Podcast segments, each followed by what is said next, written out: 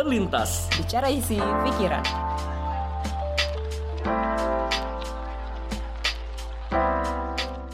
Halo, selamat datang di podcast Berlintas. Bicara isi pikiran. Ya, apa kabar semuanya? Halo.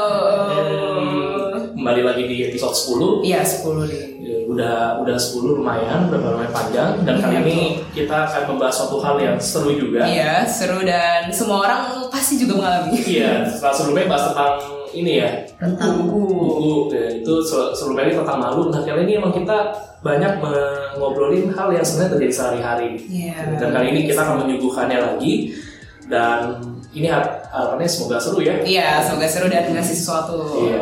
Karena temanya kali ini apa Sarah? Em, pertama Pertama. Pertamax. Pertama ini apa? Nah ini nanti akan kita sangkut pautkan. bukan pertalite ya tapi Iya, pertama. pertama, tapi pertama kita. Nah, jadi kita juga nggak sendiri. Betul kita ada teman-teman kita iya teman-teman kita. yang diharapkan bisa meng- menambah seru obrolan Iya, kita. dan ini benar-benar beda, beda kayak beda-beda ya Iya, sama beda. kita pun beda-beda Iya. juga nih. Dan boleh di Iya boleh nih. Dari sebelah kanan saya dulu deh. Oke, halo saya Rebecca, Eh, umur saya 25 tahun, saya masih kuliah, aneh ya masih kuliah, ya masih kuliah eh, di Atma Jaya, Eh, sekarang lagi semester 6 Iya. Semoga- doakan sebentar lagi saya lulus. Mantap. Iya. Mudah-mudahan. Mudah-mudahan lancar. Oh, Oke oke. Oke, eh, nama saya Robi. Eh, umur saya saya lupa sebenarnya. Nah, 30 sekian lah udah mau dekat-dekat 40 kayaknya. Eh, saat ini saya bekerja di salah satu perusahaan swasta. Ya, saya seorang ayah juga dari anak berumur 3 tahun saat ini. Eh, kemudian eh, mungkin ya kalau kita bicara pertama kali nanti ini saya baru pindah kerja juga sih. Ini baru seminggu ya Senin kemarin saya baru masuk kerja. Wah. Tempat baru. Oke. Boleh. Ya, Baru ini ya pengalaman baru nih. ya. pengalaman baru. Pertama ya. Iya. Oke, jadi di tema kita nih mungkin jelasin dikit dulu ya. Jadi pertama bukan lagi mau bahas soal itu ya, soal perbensinan. Tapi ini pertama pertama kali. Mungkin kalau anak-anak kaskus zaman dulu mungkin tahu ya, pertama kan gitu-gitu. Nah, jadi kita mau bahas tentang em, hal-hal yang kita apa ya kita jalani pertama kali kali ya dan mungkin Iya. kayak eh, lepas dari baik buruknya. Nah, tapi sebelum kita masuk lebih dalam, ini ada beberapa pertanyaan yang menurut banyak orang sih seru sih untuk coba kita jawab Jadi kita secara himpun beberapa eh, pengalaman pertama yang orang anggap itu seru. Nah nanti kita mau saling menanggapi nih benar atau enggak sih seru. Oke. Iya, iya, iya. Oke, yang pertama adalah em, katanya sih yang seru dan nomor dua itu naik pesawat. Pertama kali naik pesawat. Pertama kali naik pesawat. itu banyak orang yang bilang tuh seru gitu sebagai suatu pengalaman pertama kali. Setuju nggak? Eh, Setuju. Setuju sih, setuju sekali. Coba kenapa waktu itu dirasain? Eh, waktu itu gimana ya? Ya namanya belum pernah ya pertama kali kan. Untungnya waktu Berapa itu, tuh? waduh udah agak lama sih. Mungkin 2000 2006 SMP itu. Ya, enggak enggak sih, udah udah kerja sih. Oh. Nah, jadi ketahuan ya umurnya. 2006 udah kerja lu. ya, jadi waktu itu pertama kali naik pesawat ke Surabaya. Tapi untungnya waktu itu eh, apa eh, sama temen juga sih. Jadi sama sama ya bisa disebut atasan lah. Cuma kita pertama kali masuk bandara terus eh, apa yang dilakukan untungnya waktu itu nggak sendirian gitu. loh. Oh. Terus waktu pada saat pesawatnya udah mulai naik gua deg-degan gitu. ini apalagi kan saya agak takut ketinggian juga jadi Waduh. berasa sih Kalau saya sih waktu itu pertama kali sih sebenarnya waktu masih bayi, tapi itu kan Udah berasa ya. apa ya. Terus mulai lagi SD kelas 3 atau 4 itu ke Jambi. Jadi kan baca-baca kalian suka suka baca yang Majalah-majalah gitu ya? majalah tuh yang kayak misalnya panduan Ya keselamatan kan Wah. keselamatan gue kok maskernya nggak ada. Ini kalau gue kenapa-napa gimana nih? Gitu sih. Oh bener-bener. Iya, itu Sama, gue malah pengalaman naik pesawat tuh tahun 2013 Jadi masih belum terlalu lama. Itu pas ke Bali, itu juga namanya setengah mati sih Karena bingung kan, mesti ngapain. Bukan masalah itu ya, dari cara check in Apa Oh, itu iya, iya, bingung iya, juga kan, iya. mesti gimana Bawa karcis bingung gitu, bawa tiket tuh mau diapain selanjutnya Ya itulah nolah-nolahnya, tapi emang seru kan? Iya, itu seru. Itu setuju ya. Oke, yang kedua adalah ciuman. Nah, Skills skills itu jadi pengalaman yang pertama-tama tuh yang sangat mendebarkan, nggak akan terlupakan karena Iya. iya. ya gitu lah. Pertama kalinya masih apa gitu kan ya. Bahkan tanggalnya bisa diingetin. Ah, iya. Apakah setuju itu pengalaman yang mendebarkan? Iya, mendebarkan. Gak usah diceritain apa-apa. Iya, akan mendebarkan. mendebarkan. Sampai sekarang merasa deg-degan. Ya, Lucu banget. ya, ya, ya, ya, ya. Gimana yang lain? Apakah setuju? Ini mendebarkan? Cuma pertama saya di poster F Dulu pas kecil, yang lain sih Iya, tegang lah, tegang. Iya Loh kok orang tahu? Hah? Kok orang tahu? Ya, ya, ya. Ya udah dong Kita udah dewasa. Betul setuju ya? Jadi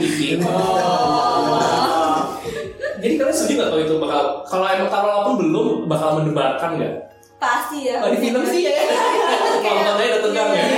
Iya Aslinya tetap menegangkan kok. Oh. Itu aslinya Oke, ya lanjut aja kita lanjut. Oke, pertama kali interview.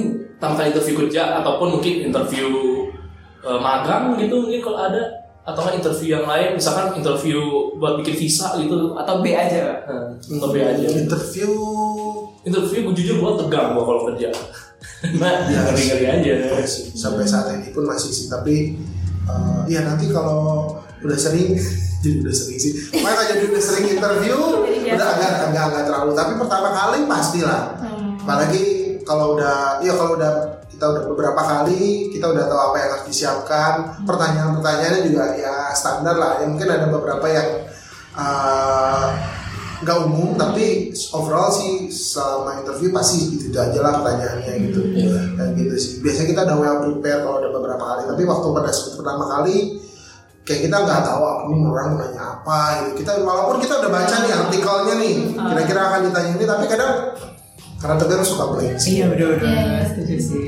Kalau interview kerja sih mirip lah ya kayak Pak Robi tuh. Yang paling nyeremin waktu itu itu interview visa sih.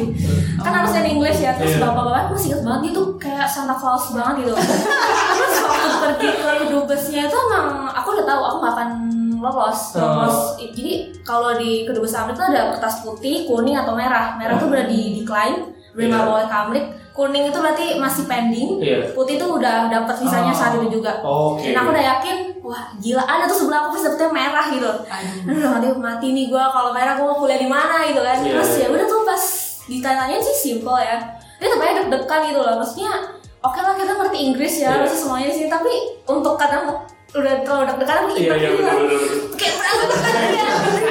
satu kata lupa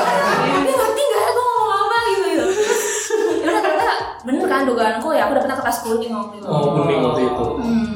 I see. Iya, iya, iya. Emang emang emang ngeri sih karena kayak kesannya dikorek-korek. Iya bahasa Indonesia aja ngeri apalagi bahasa bukan bahasa kita Oke masih masih ada berapa nih? Iya masih ada beberapa yang ini eh, pertama kali dapat gaji Itu kata orang seru gitu. Iya, Pertama katanya kali sih gitu. making money sendiri gitu. tergantung gajinya berapa. Oh tergantung gaji. Iya sih.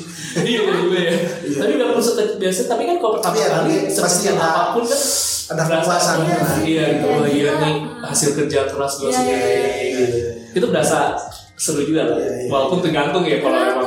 Tapi enggak lah waktu gue zaman kayak masih zaman kuliah itu dapat gaji maksudnya bu- bukan apa ya Oh. kita bekerja terus dapat uang itu tuh kayaknya wah gue dapat uang pertama kali Hey. Walaupun ya itu berapa sih nggak banyak lah jumlahnya gitu tapi ya Ada kebanggaan gitu ya kebanggaan lah gitu. Hasil tinggal sendiri. Oke, kita lanjut lagi. Ada em, ditolak Apa pun ya jenis penolakan Punya ya pengalaman ditolak gitu. Iya, Ini pertama- maksudnya pertama kali, serunya mungkin dapat pengalaman berharga mungkin ya. Pernah nggak sih? Iya. Iya, emang maksudnya pengalaman ditolak terus emang dianggap wah setuju nih. Emang ini pengalaman yang penting itu sebagai pertama kali. Saya ditolak kerja kah atau nggak Iya. ditolak iya iya iya cintanya. Tolak cinta sih nggak pernah ya, saya nggak pernah nembak gitu. Oh, sering nolak nolak. Nggak gitu. saya ya. malah malah itu Dan ditolak kerjaan sih waktu yang apa di salah satu rumah sakit swasta. Deket-deket sini ada usah disebut lah ya. Waktu itu aku pulang nangis nangis beneran kayak di motor di kayak oh dasar kenapa masalahnya tuh udah lolos di HRD lolos di kayak semacam direkturnya sakit itu di kepala labnya saya ditolak wah gila tuh pulang udah nangis nangis sampai kita sama Betik eh Betik tuh adik saya maksudnya Eh, terus cerita sama teman-teman juga wah gila itu salah satu pengalaman yang menyakitkan hati Iya. saya sih tolak gitu Nah. ya Iya sih Berarti itu salah satu yang keingat ya kalau pertama. Hmm. Ya, berarti nggak salah juga nih beberapa kumpulan yang kita. iya udah Masih ada lagi apa? Ada? Eh, Ah ini terakhir nih ya. Punya anak. Eh, ini cuma cuman Saya sendiri. Iya. Katanya itu seru banget. Wah itu, wah kalau bisa diceritain mungkin bisa Panjang. bisa lagi itu pokoknya yang ya kalau misalnya bisa dibilang uh, tidak ada yang bisa menyiapkan kita untuk satu hal itu gitu itu rasanya memang iya luar biasa lah apalagi pada saat ya melihat anak kita pertama kali gitu ya lahir dunia gitu kan kemudian setelah itu prosesnya ya di rumah lah gitu mandiin bayangin itu mandiin masih bayinya itu masih ya gimana lah gitu. Kita belajar ya di situ kita belajar sih maksudnya. Untungnya ya ada yang ngajarin sih kalau nggak lumayan juga sih. Gitu.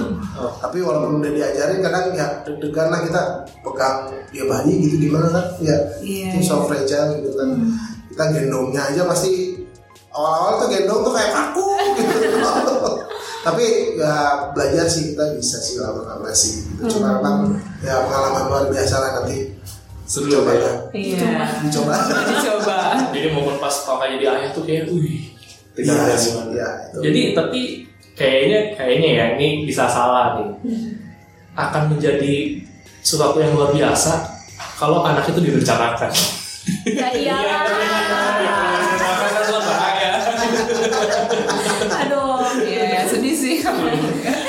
itu kumpulan berpabu mungkin masih ada banyak juga pengalaman pertama yang sangat menarik lainnya. Nah ini makanya mau kita bahas kali ini. Nah buat, buat para pendengar juga kita bukan tanpa alasan mengajak teman kita ini Rebecca sama Robi karena eh, kita berdua sama-sama melihat nanti mereka berdua ini orang yang kita perkirakan bisa memberikan pengalaman-pengalaman seru juga terkait dengan pengalaman pertama. iya betul Nah ini yang itu tadi pengantar aja dan kali ini ini akan kita bahas ya, Iya. lebih Lebih dalam lagi. Nah kali ini gue langsung ini kan kita kan mau sharing tentang pengalaman pertama. Harapannya adalah kita bisa ngobrolin, kalian ceritain pengalaman pertama yang kalian anggap itu sangat berkesan karena memberi pembelajaran yang sangat berharga buat hidup kalian masing-masing. Ada nggak sih pengalaman pertama kayak gitu? Maksudnya kan menurut gua sama Sarah, kalian ini profilnya ini latar belakangnya cukup unik. unik ya, karena ya Robi maksudnya kan udah pengalamannya jauh di atas kita, so. Iya. banyak hal yang dia udah tahu lebih udah lebih dulu mungkin daripada kita. BK eh, BK juga udah pernah eh, di luar negeri selama untuk waktu yang cukup lama, terus juga masih usia muda juga udah pengalaman kerjanya Iya. juga udah luar biasa karena dia kerja sambil kuliah juga. betul betul, betul. Terus mungkin eh, punya pengalaman seru juga karena dulu kan di di sekolahnya juga di sekolah negeri itu kan Iya. itu kan suatu hal yang mungkin bisa menarik juga buat di info gitu. Iya. Nah kali ini gue minta teman-teman eh, berbagi nih ngobrolin kita ada nggak satu pengalaman pertama yang berkesan banget buat kalian? Hmm, sebenarnya banyak sih. Cuma mungkin apa ya? Hmm, yang pertama itu, oh mungkin yang salah satu yang udah agak lama juga yaitu uh, daftar kuliah sih. Jadi itu kita kan dari nggak tahu ya kalau saya uh, saya sendiri dari semuanya sampai SMA tuh kayak masih tergantung sama orang tua lah gitu. Nah begitu udah lulus SMA uh, ditanya lah kamu mau kuliah ke mana gitu. Nah itu oke nanti kemudian saya udah pilih. Nah kemudian daftarlah cintanya tuh kan. Uh, waktu itu ke salah satu universitas swasta di Bandung. Uh, eventually saya nggak kuliah di sana juga sih karena masuk negeri kan. Nah, tapi waktu itu uh, pengalaman uh, zaman itu kayaknya masih belum nggak tahu mungkin saya aja yang bawa uang cash gitu. Jadi bawa uang cash cukup lumayan besar which is sekitar 6 juta. 6 juta zaman sekarang saat masih ya masih lumayan masih lumayan gede ya. Dan Iya. lu bayangin deh. Juga sih. iya Iya, kalau bilang lumayan tuh kayaknya udah akan diaku anak lagi sih. Dan waktu itu nggak bisa saya saya belum bisa bawa kendaraan jadi naik kendaraan umum naik angkot lah. Kalau dulu di Itu Bandung pasti dipeluk terus tuh. itu tasnya wah itu bukan main sih. Itu tasnya udah lihat kanan kiri kanan kiri gitu kan. Nah, udah itu sampai ke universitas ya di situ juga ya saya nggak tahu apa yang harus dilakukan gitu kan. Ya akhirnya tanya-tanya terus lihat orang sini. Tapi akhirnya ya bisa juga sih. Maksudnya itu uh, kayaknya mungkin kalau bisa dianggap satu step menuju kedewasaan sih Oh, iya karena kita ya kita ngurus sendiri lah kayak gitu Iya. sebenarnya biasanya kan dulu zaman sampai SMA lah orang tua pasti akan datang ke sekolah kasih rapot semua segala macam ini kita urus semuanya sendiri bawa ijazah dilegalisir segala macam Nah, itu itu itu sih salah satunya sih Pengalaman pertama. Iya. Itu. Yang bikin jadi berkesannya apa jadi? Hmm, jadi itu sih apa eh, menurut gue itu salah satu step untuk menuju kedewasaan sih. Jadi kita mengurus biasakan semua diurus sama orang tua gitu kan untuk daftar ulang gitu. Nah ini kita kita sih gua sebenarnya apa namanya eh, harus ngurus semuanya sendiri gitu. Dari mulai eh, legalisir semua ijazah itu dibawa sih. Itu mungkin itu sih pernah ya pengalamannya gitu. Oke. Itu Pak Robi keluar kota ya? Berarti kan Eh, dari rumah. Oh, ya dari mungkin kalau dari sini ke Bekasi kali lah kayaknya. Sini Bekasi jauh juga. Lumayan sih. Lumayan sih aku. Ya 10 15 ya. Ya enggak sih enggak Bekasi sih. Ya 10 15 kilo lah dari rumah. Oke. Kayak gitu. Nah kalau BK pengaruh pertama yang berkesan sampai sekarang karena banyak pe- pembelajaran yang diambil. Eh, ini satu dulu aja ya. Iya. ya itu sih waktu kuliah ke luar negeri tuh karena eh, aku ingat banget waktu hari pertama itu jadi kita udah ada lab tuh itu pelajaran basic biology. Dan itu jadi gini itu masih gampang banget jadi suruh measure ada apa topiknya measurement. Jadi dia suruh ngukur ngukurin itu kan. Sampai misalnya nih HP ini eh, nanti akan setimbang dengan berapa koin. Oke. kalian tahu koinnya satu dolarnya Amerik apa? Tahu, penny kan? Iya. nah tapi di situ nggak ditulis tuh pokoknya kayak classmate-nya aku tuh jadi kerjanya berdua-dua. Dia minta do you have pennies Wih. what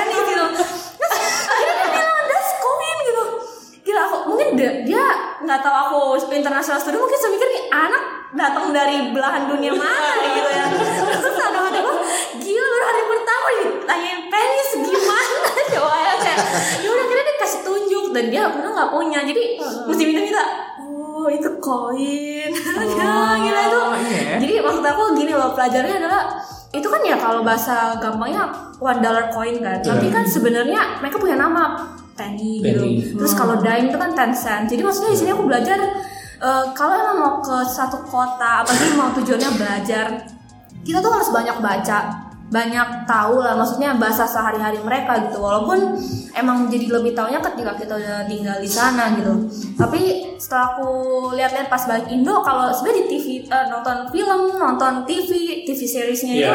sebenarnya kita bisa belajar, dari Belajar. situ jadi Iya, kayaknya banyak. kita ada baiknya sih nonton TV series atau film-film dari luar gitu Tapi penny itu resmi ya emang kayak baku di sana ya. enggak itu bahasa sehari-hari Sehari-hari tapi sama yang kayak ngomong uh, one bucks gitu. Ya, iya iya iya. Eh, kalau one bucks aku masih mikir gitu kan. Iya. Masih ngerti ini eh one bucks satu dolar kan Satu dolar. Tapi ini yang koin Koin gitu. gitu kan. Satu sen berarti. Eh, sorry Iya, tadi bukan satu satu sen. satu sen satu satu, satu sen koin. Satu sen berarti mesti buat dari satu dolar mesti se- sepuluh Seratus. ah, mesti 100 penny Iya. baru jadi satu dolar. Oh. Aduh ya tuh. Itu Iya benar-benar ngakak banget sih.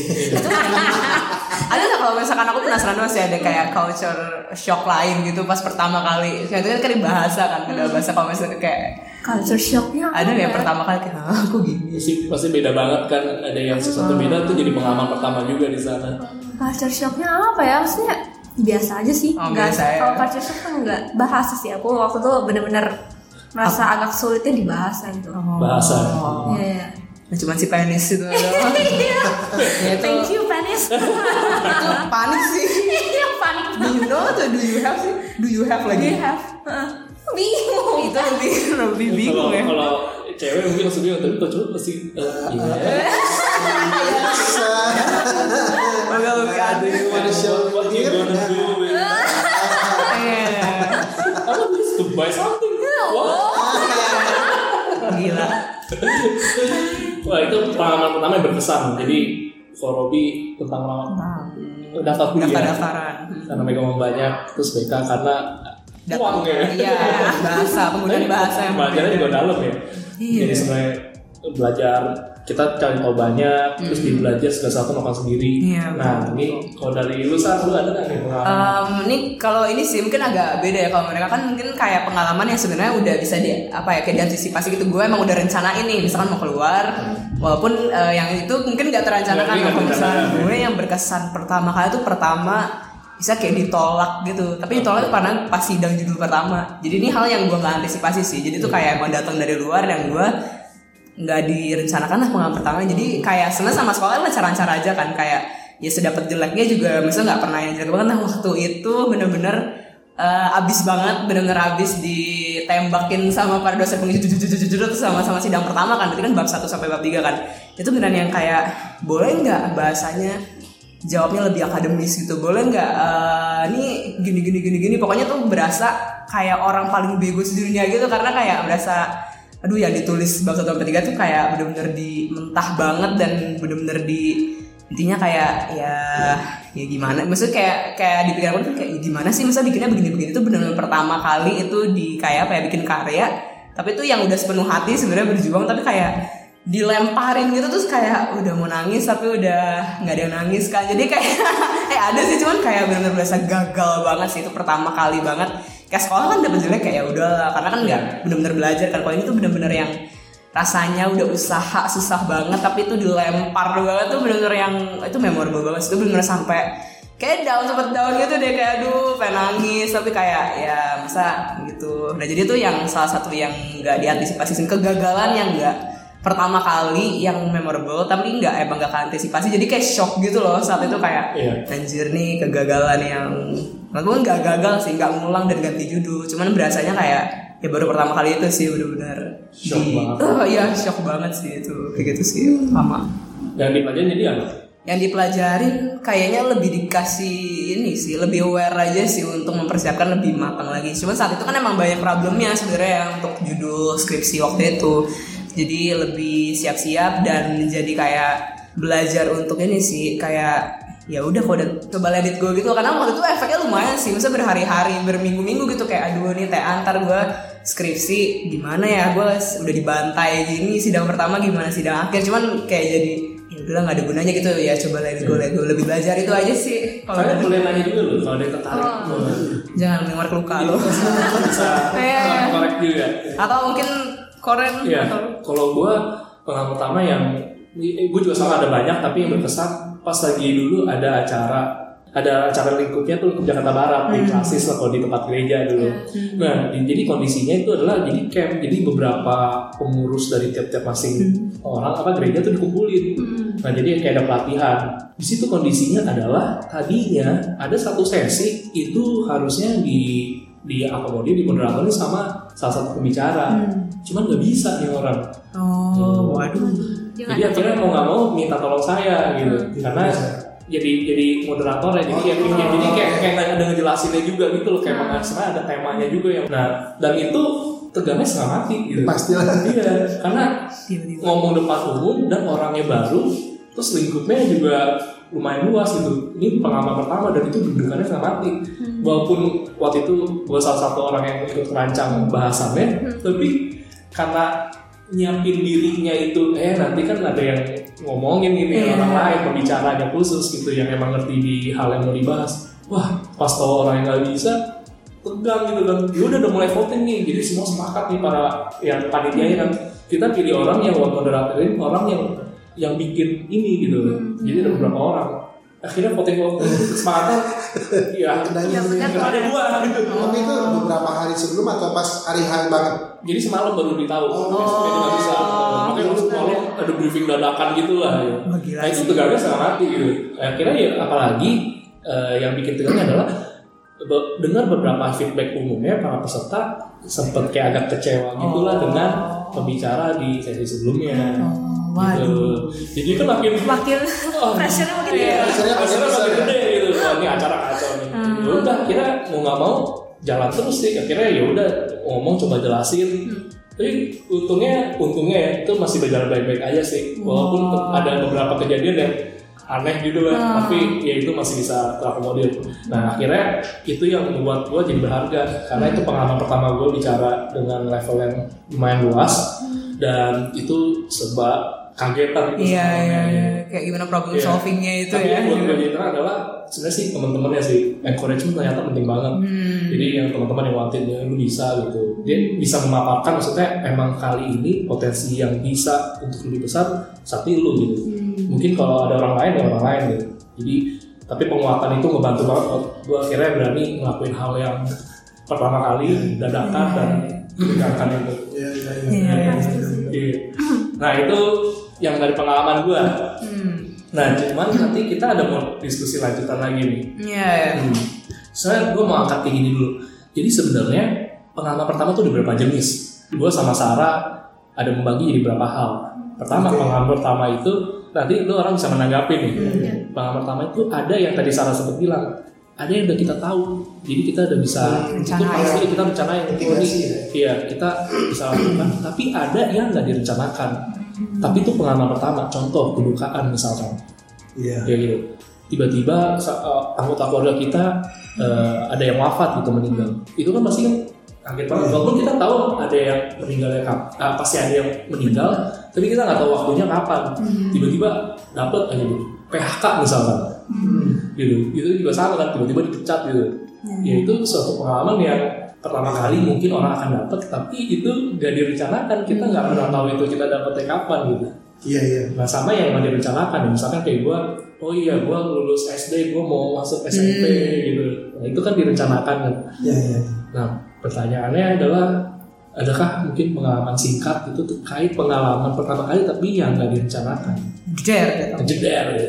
Misalnya contoh nih naik motor, eh kena tilang. Itu kan pengalaman pertama juga kan, pasti kan orang pada awalnya gitu. Ada nggak yang kayak gitu? Tapi aku pas kecelakaan deh, kecelakaan motor waktu itu. Oh kamu pernah ya? Pernah kecelakaan motor. Jadi waktu itu tuh lagi seru banget sih. Maksudnya ada acara musik gitu lah di SMA waktu itu. Ada Malik. Wah, Oh. seru banget kan tuh. Udah nih pulang nih. Biasanya emang ikut sama temen ini nih. Tapi emang nggak naik mo nggak pakai helm. Dan emang biasa tuh kalau daerah 78 situ kan kemanggisan ke Bojong ya kayak nggak pakai helm nggak apa-apa deh. Bukan jalan protokol besar itu kan. Nah, yaudah tuh. Emang teman aku nih emang agak ngebut, tapi nggak sengebut itu. Cuma 60 lah. Iya. 60 terus di persimpangan jalan itu ada motor dari kiri senak jidat main ke kanan. Hmm. Nah, sedangkan orang mau lurus udah. Yang pokoknya aku tuh kayak udah celeng-celeng gitu kan pas Iya. bangun-bangun itu udah bersimbah darah. gitu. Aduh, serius. Seriusan itu. eh, jadi kata, kata teman aku tuh jatuhnya ke kiri. Di situ aku katanya nggak pingsan, tapi aku nggak sadar gitu. ingat. Ya terus akhirnya aku digotong ke bajai, teman aku pangkuin aku. Ya bangun-bangun aku nangis-nangis karena banyak darah. Oh ya aku punya ketakutan banget terhadap darah yang banyak gitu. Wow. Jadi aku nangis bukan karena sakit. Ah, kenapa banyak darah? Ah, iya, iya. Jangan nangis, darah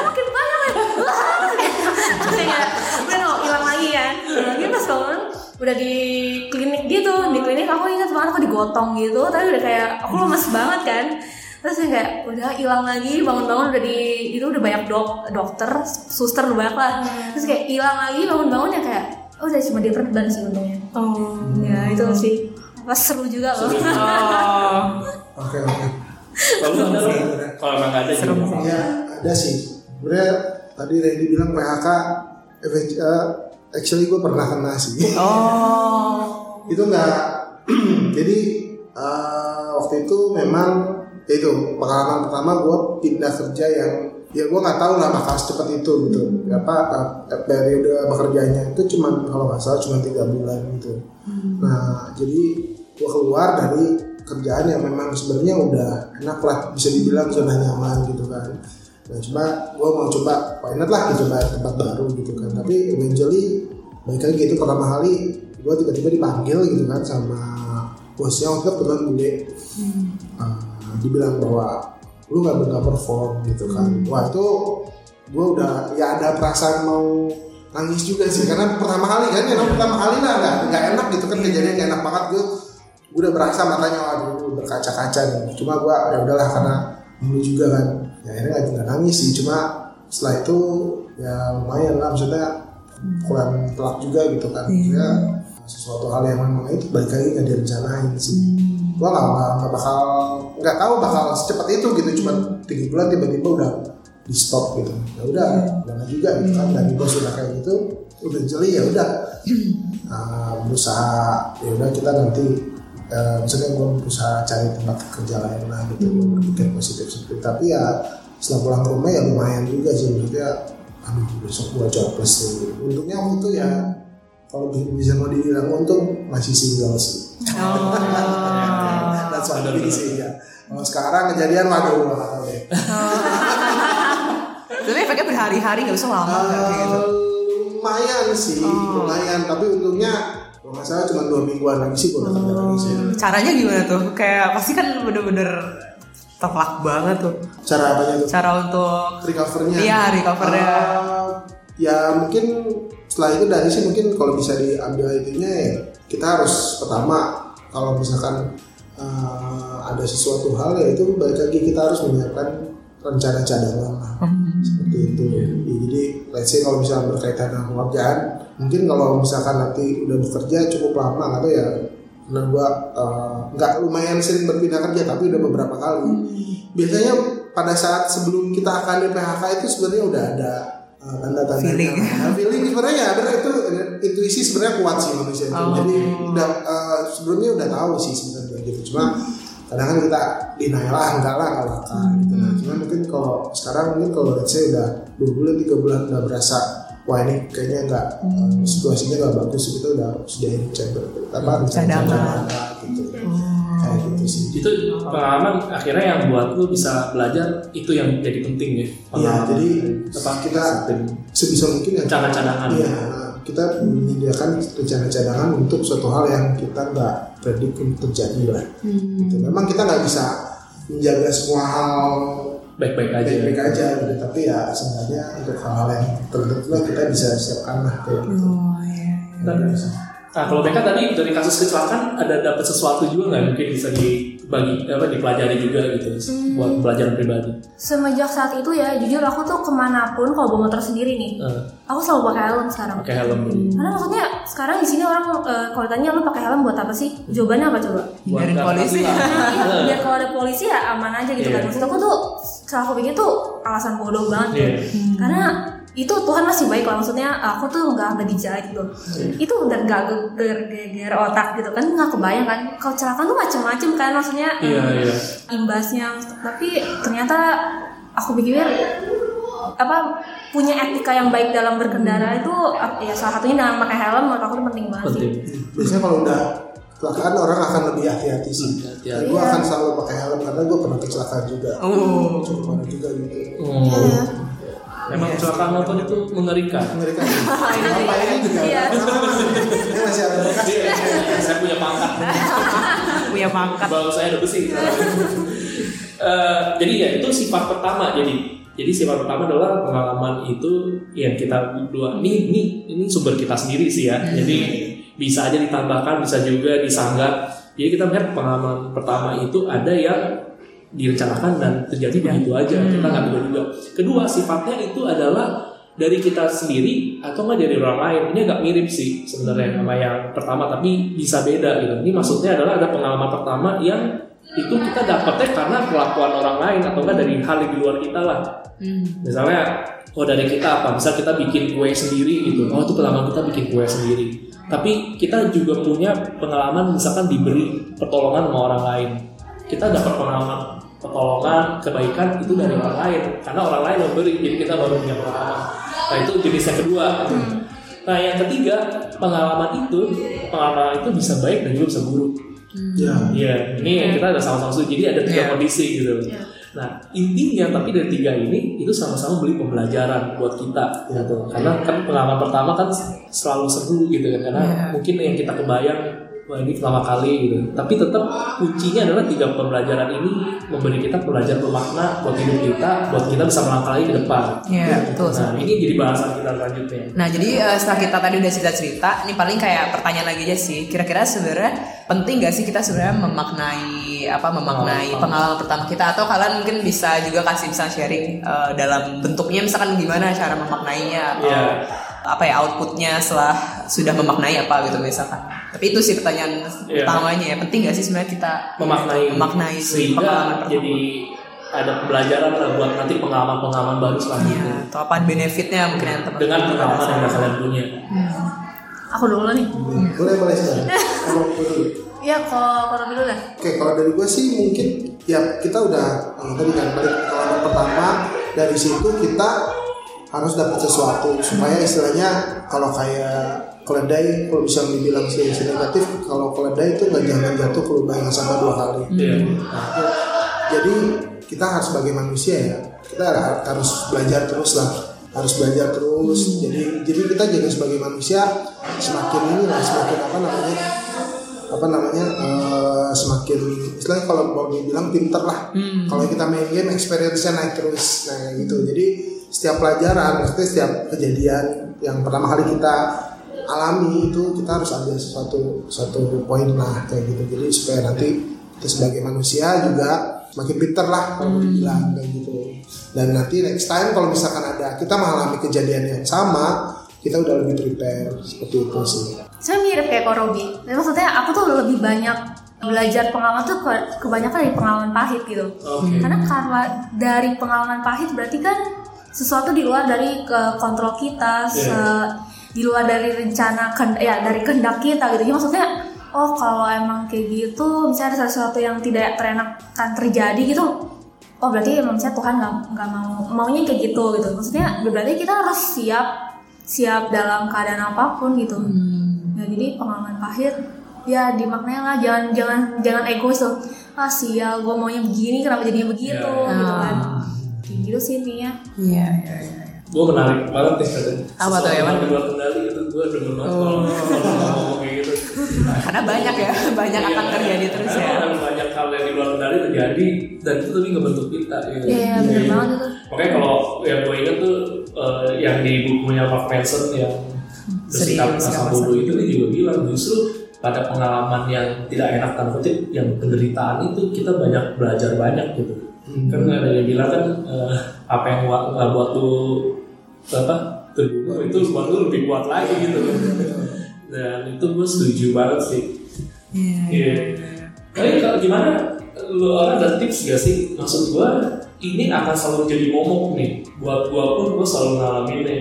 Ketika dapat kesempatan baru, pengalaman baru, itu selalu ada ketegangan tersendiri gitu. Bahkan orang cenderung gak mau. Misalkan contoh mungkin aja ini tiba-tiba Robi gitu, Rob, Pak Presiden minta Anda jadi staffnya dia di kepresidenan. ya mau.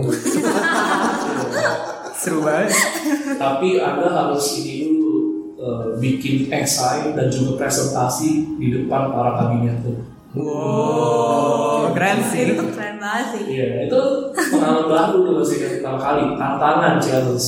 Tapi nggak sedikit orang gara-gara juga eh, requirementsnya atau apa jadi kayak "Eh, ini gua gimana ya gitu. Nah, ada nggak sih tips-tips untuk buat orang yang bakal tahu dia akan mendapat pengalaman pertama kali, baik nanti nih yang denger bakal masuk kuliah, bakal kerja pertama kali, pengalaman pertamanya dapat itu tuh bisa ada semangat tersendiri gitu untuk berani menjalani pengalaman pertama. Karena kan kita sepakat tadi pengalaman pertama kan banyak pembelajaran. banyak iya dan banyak jenisnya juga ya dari bermacam-macam itu gimana kita menanggapinya baru mungkin ada nggak bisa di share berdasarkan pengalaman kalian. Hmm, Kalau dari gue tipsnya sih, sorry, agak batuk jadi suaranya agak hilang-hilang. Yang tadi balik lagi sih ke yang udah gue omong sebelumnya, kita sebagai manusia harus terus selalu belajar gitu kan. Jangan pernah takut untuk keluar dari zona nyaman kalian. Jadi kalau misalkan kalian mau mencoba sesuatu hal yang baru, let's say kalian diberi kepercayaan lebih gitu kan.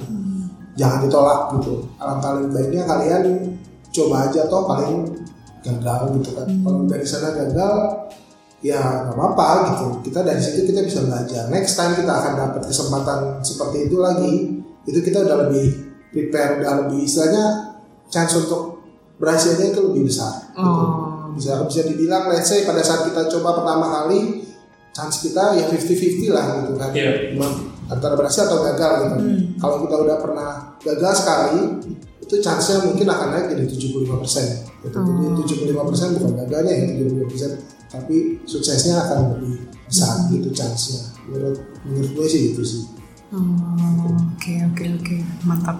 Kalau menurut aku sih misalnya ada kesempatan baru nih, apalagi ditawarin orang ya, Iya. kalian tuh harus sadari ketika orang itu mengajak kita, itu pasti dia tuh nggak mungkin asal ngajak gitu. Ada Jadi pertimbangan. pasti ada pertimbangan di mana dia mikir oh nih sebenarnya orang bisa gitu. Tinggal bagaimana kita memilih mau atau enggak. Jadi menurut aku tetap ayo aja sih. Iya. Maksudnya lanjutin lah. Atau itu pasti kan kalau misalnya lu udah setuju nih, terus pasti secara nggak langsung lu akan prepare itu kan misalnya entah tadi yang mau jadi staff kabinet mau presentasi kayak mau misalnya disuruh ikut lomba pasti ada lah yang dipersiapkan. Iya. percayalah segala sesuatu yang sudah dipersiapkan yang emang udah niat gitu harusnya nggak sampai seburuk itu hasilnya. Walaupun kalah nih misalnya dalam perlombaan ya udahlah tapi banyak lah pasti pelajaran baru yang didapat gitu. Iya betul. itu sih. Berani aja ya coba karena emang bukan apa maksud kalau emang kesempatan itu datang. Iya. Betul, betul, gue setuju.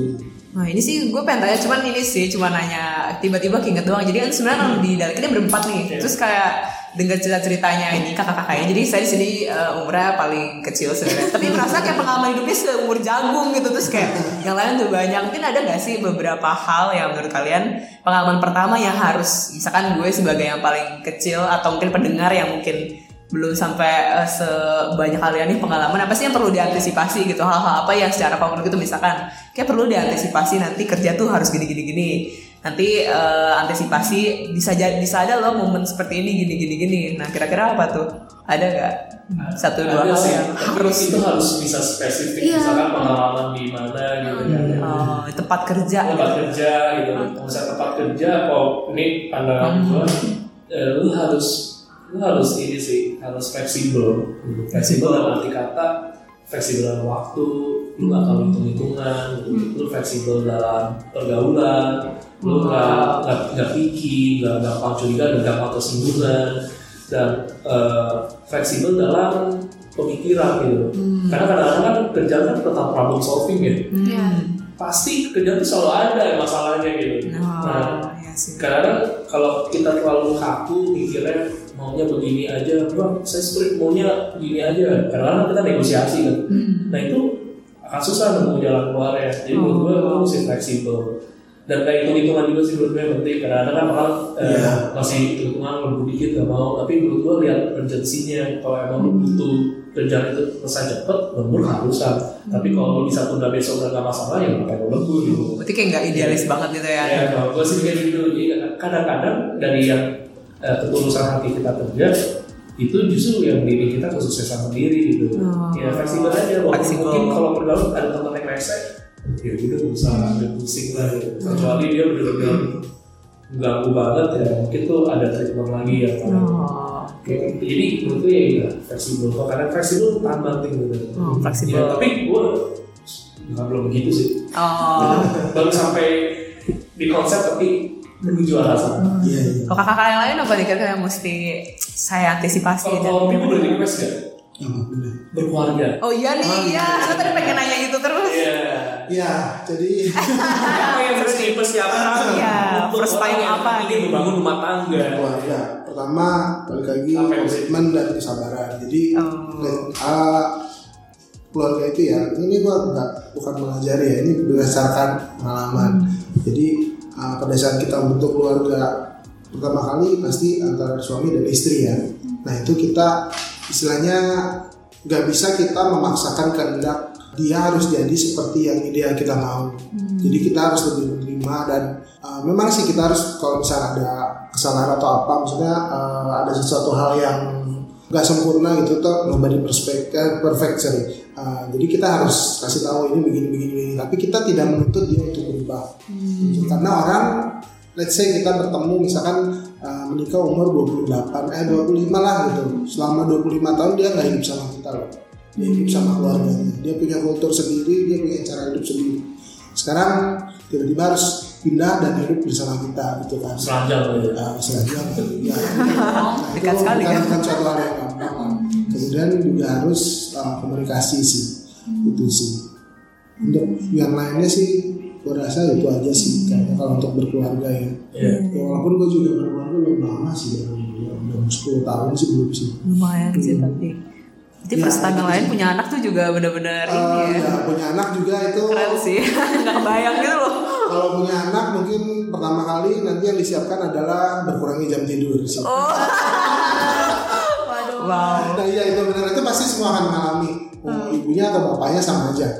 Tapi yang mungkin tips juga nih kalau udah punya anak nanti anak pertama lebih baik jaga malamnya gantian aja. oh Gitu. Jadi let's say kayak gue dulu uh, istri dari jam misalkan dari dia tidur dari malam jam 8 jam 9 gitu sampai jam 2 subuh atau jam 3 gitu nah setelah itu selama itu gue ter- terjaga terjaga dan menjaga anak Oh. nah nanti setelah dari jam 2 ke jam 3 baru giliran uh, tidur kayak gitu. Hmm. Itu- karena kalau enggak kalau dua-duanya terjaga itu akan capek banget ya. capek banget. Iya. Gitu. dan percuma juga sih dua Oh. terjaga malah nanti malah malah dua-duanya bisa sakit sih. Ini itu sih. Itu pengalaman pertama yang mengagetkan berarti kurangnya jam tidur? Iya. Ada lagi nggak yang mengagetkan lagi pertama kali tapi yang kaget gitu? Ah begini Eh, apa ya? Ya ganti popok udah pasti ya Oh, ganti popok iya, terus nanti tapi nanti terbiasa sih misalnya ganti popok nanti terus tiba-tiba anak ngompol gimana gitu kan? Aduh, iya. Bisa nanti apa yang harus dilakukan nanti lama-lama juga bisa sih. Tapi ya lumayan sih mengagetkan sempat sih. mengalami kayak baby blues gitu gak sih kok tapi biasanya buat ibu-ibu ya. Maksudnya kayak ini anak misalnya nih anak nangis nih misalnya lu nangis tuh nggak tahu nih dikasih makan popoknya udah diganti itu tuh gimana tuh? Oh iya, kayak panik gitu ya. ko- korobi atau ciwiwit biasanya sih ya itu pernah kejadian juga sih energi eh, apa action gitu tapi biasanya ibunya sih yang dibius ya. Biasa karena kadang eh, nah ini juga tips nih untuk eh, untuk calon. bukan calon sih biasanya untuk orang awam. Jangan suka Oh. mengomentari. Jangan terlalu banyak berkomentar lah sama ibu-ibu yang sedang memiliki anak. Dan saya dibilang aduh anaknya kurus ya atau apa itu bisa menjadi suatu Iya, hal yang iya. kepikiran sih. Maksudnya hati-hati aja gitu. Maksudnya kadang eh, beberapa orang memang bisa ngomong seperti itu tapi maksudnya mungkin dia juga nggak maksud gitu. Dia cuma bilang eh kok anaknya hitam ya? gitu. Nah itu Aneh banget sih. Ada maksudnya kan yang cuma Gitu sih. ya maksudnya dia lihat anaknya hitam gitu. Polos iya iya iya hipster anaknya hitam gitu tapi itu bisa bisa bisa bisa impact gitu. Sama sama sama orang Iya. Ya sih kayak gitu sih. Wah ini ba- bagus juga Iya, iya, menarik. Nih. kalau ada terus bayi lagi nah ada untuk ibu ya yang calon-calon ibu ya jangan baperan lah gitu kayak gitu. Tapi balik tadi yang tanya mereka ya uh, lama kelamaan kita bisa tahu sih maksudnya kalau baby nangis uh, kenapa itu biasanya. Hmm. kayak gitu sih. Lama kelamaan karena biasa kan bayi nangis karena kalau nggak lapar uh, pasti ada sesuatu yang nyaman lah gitu. Itu aja sih biasanya tapi lama-lama tahu sih nanti Oke. Ini ngerti ya. orang tua Naluri orang tuanya iya tumbuh tuh wow benar benar benar Ya, ini cerita seringan aja gue sama Robi waktu itu makan siang bareng belum lama ini. Gue lagi naik mobil dia, terus tiba-tiba gue liat ke bawah. Wah, kok botol minum jatuh? Gue angkatin kan. Pas gue angkatin, gue pegangin. Saya lucu, botolnya ada gajahnya gitu. Oh. Ya, Eh, taruh aja, taruh aja. Kenapa? Itu taruh aja. Itu tempat kencingan lu. Anjing, gue bikin botol minum. lu juga agak ngapain tadi Nggak tahu. Mau orang itu gue bikin kayak botol minum. Gue udah Pokoknya bagus gitu Oh, ini pengalaman pertama ketemu botol isi tempat kencing ya. Pispot ternyata. Oh, menarik menarik. Nah, Kalau Beka ada nggak? Eh, dalam pengalaman jadi kita kalau salah bilang Ah, bisa mengantisipasi gitu. segala apa pun segala mungkin kalau setiap mereka secara umum di kehidupan mungkin ada. Harus tahu bagaimana cara menempatkan diri sih. Oh, nih kayak misalnya gini kan waktu itu aku pernah kerja setahun kan di sekolahan. Iya. jadi guru itu image-nya tuh nggak tahu menurut aku ini menurut aku yang mungkin salah. Itu harus tahu harus jaga image banget lah. Karena apa yang dilakukan oleh guru secara nggak langsung akan dilakukan oleh anak-anak gitu. Iya. hmm wah itu nggak tahu sih aku nggak punya latar belakang jadi guru ya maksudnya guru sekolahan itu jadi kayak waktu itu bingung deh. Kayak mungkin aku salah waktu aku galak soalnya. Iya aku galak banget kayaknya eh, tapi galak tuh cuma anak yang jadi aku megang di grade 7 sampai 12 gitu kan kalau sama anak yang kecil-kecil tuh aku lebih tegas gitu. Soalnya bandel kan masih cengengesan disuruh itu lagi diktat tapi bisa lari-lari. Wah gila aku marah banget waktu itu. Nah tapi kalau sama yang kelas 12 mereka bisa mengaku cici gitu. Oke. terus kayak nah itu saya kalau mikir wah ini berarti aku menempatkan dirinya salah nih anak kelas 7 nya nih. Anak kelas 7 nya berontak tapi kelas 12 nya kok bisa gitu. Jadi kayak ya harus lebih bagaimana menempatkan diri sih Mandiri. dalam bekerja gitu Iya. kita harus tahu siapa orang-orang yang bekerja dengan kita kayak gitu sih Oh, iya sih. Ya benar sih. Karena emang gak gampang gitu membaca situasi dan kita mencoba menempatkan diri. Hmm. Dan itu bisa didapat dengan pengalaman justru yang kayak tadi gitu ya. Iya. Jadi BK jadi juga ngerti juga. Iya sih emang itu bukan hal yang mudah. Gak hanya waktu tempat kerja aja itu mah di tempat lain juga. Iya, Gua benar. Menempatkan diri itu masuk pergaulan baru mirip kayak kayak di cerita Robi gitu. Gak tau menempatkan diri ketemu ibu bawa anak nyeplos aja. Iya. Gak tahu itu sih. kali lagi jangan ya ngejaga anak perawatan Iya. itu saya setengah mati Wow. Iya. kalau kalau gua gue justru eh, biar kita bisa antisipasi adalah melihat bahwa sesuatu hal yang baru itu baik enak gak enak maupun itu di, dari diri kita maupun di luar kita eh, itu direncanakan tidak itu sebagai sesuatu yang buat diri kita lebih baik.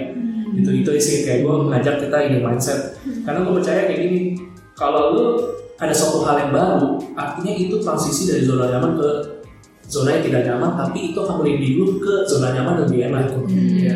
lu lu meyakinnya kayak gitu. Jadi misalnya lu lu dari satu tahap nih lu udah lulus kerja lu punya satu expertise baru katakan. Itu lu akhirnya udah punya zona nyaman tuh.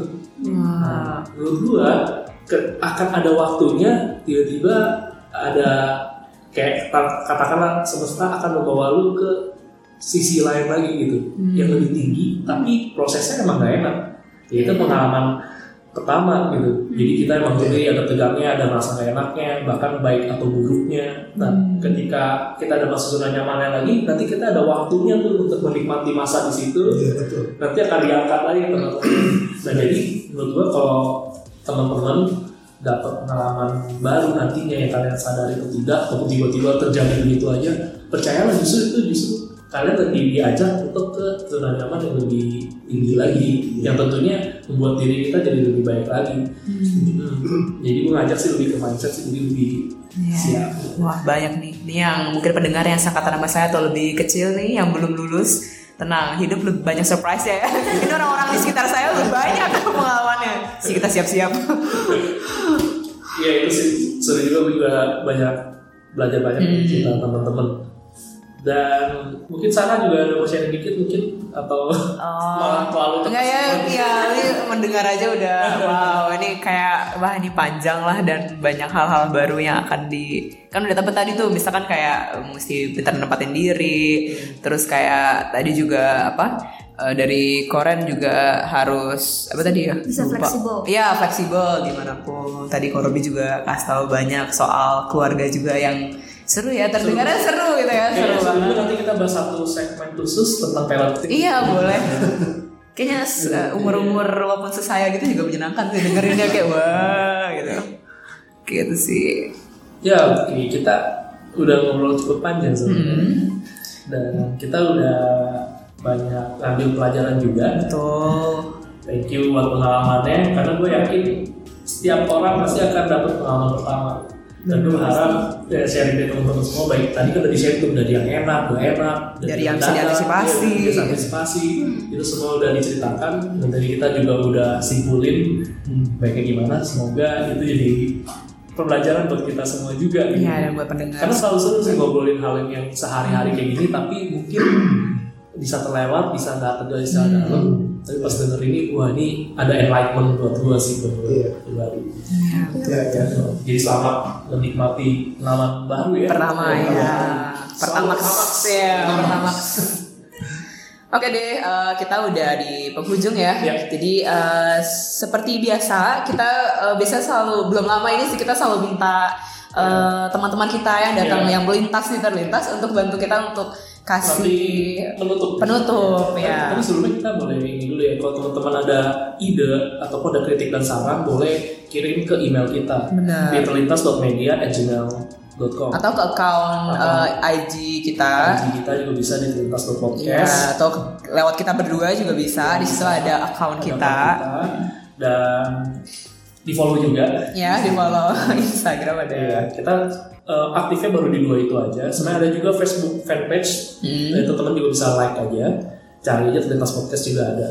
Hmm. Yang penting itulah tetap terhubung dengan kita. Jadi kita bisa nyiapin tema-tema. Iya, yang mungkin penasaran atau pengen dibahas-bahas gitu.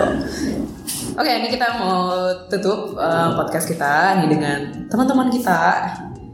Boleh. Sesuatu terlintas di pikiran. Biarlah ia menjelajah hingga menjadi nyata. Saya Rebi. Eh, gue Sarah. Saya Rebecca. Saya Robi. Terima kasih sudah mendengarkan lintas podcast. Terima kasih. Sampai Sampai jumpa. Bye. Bye.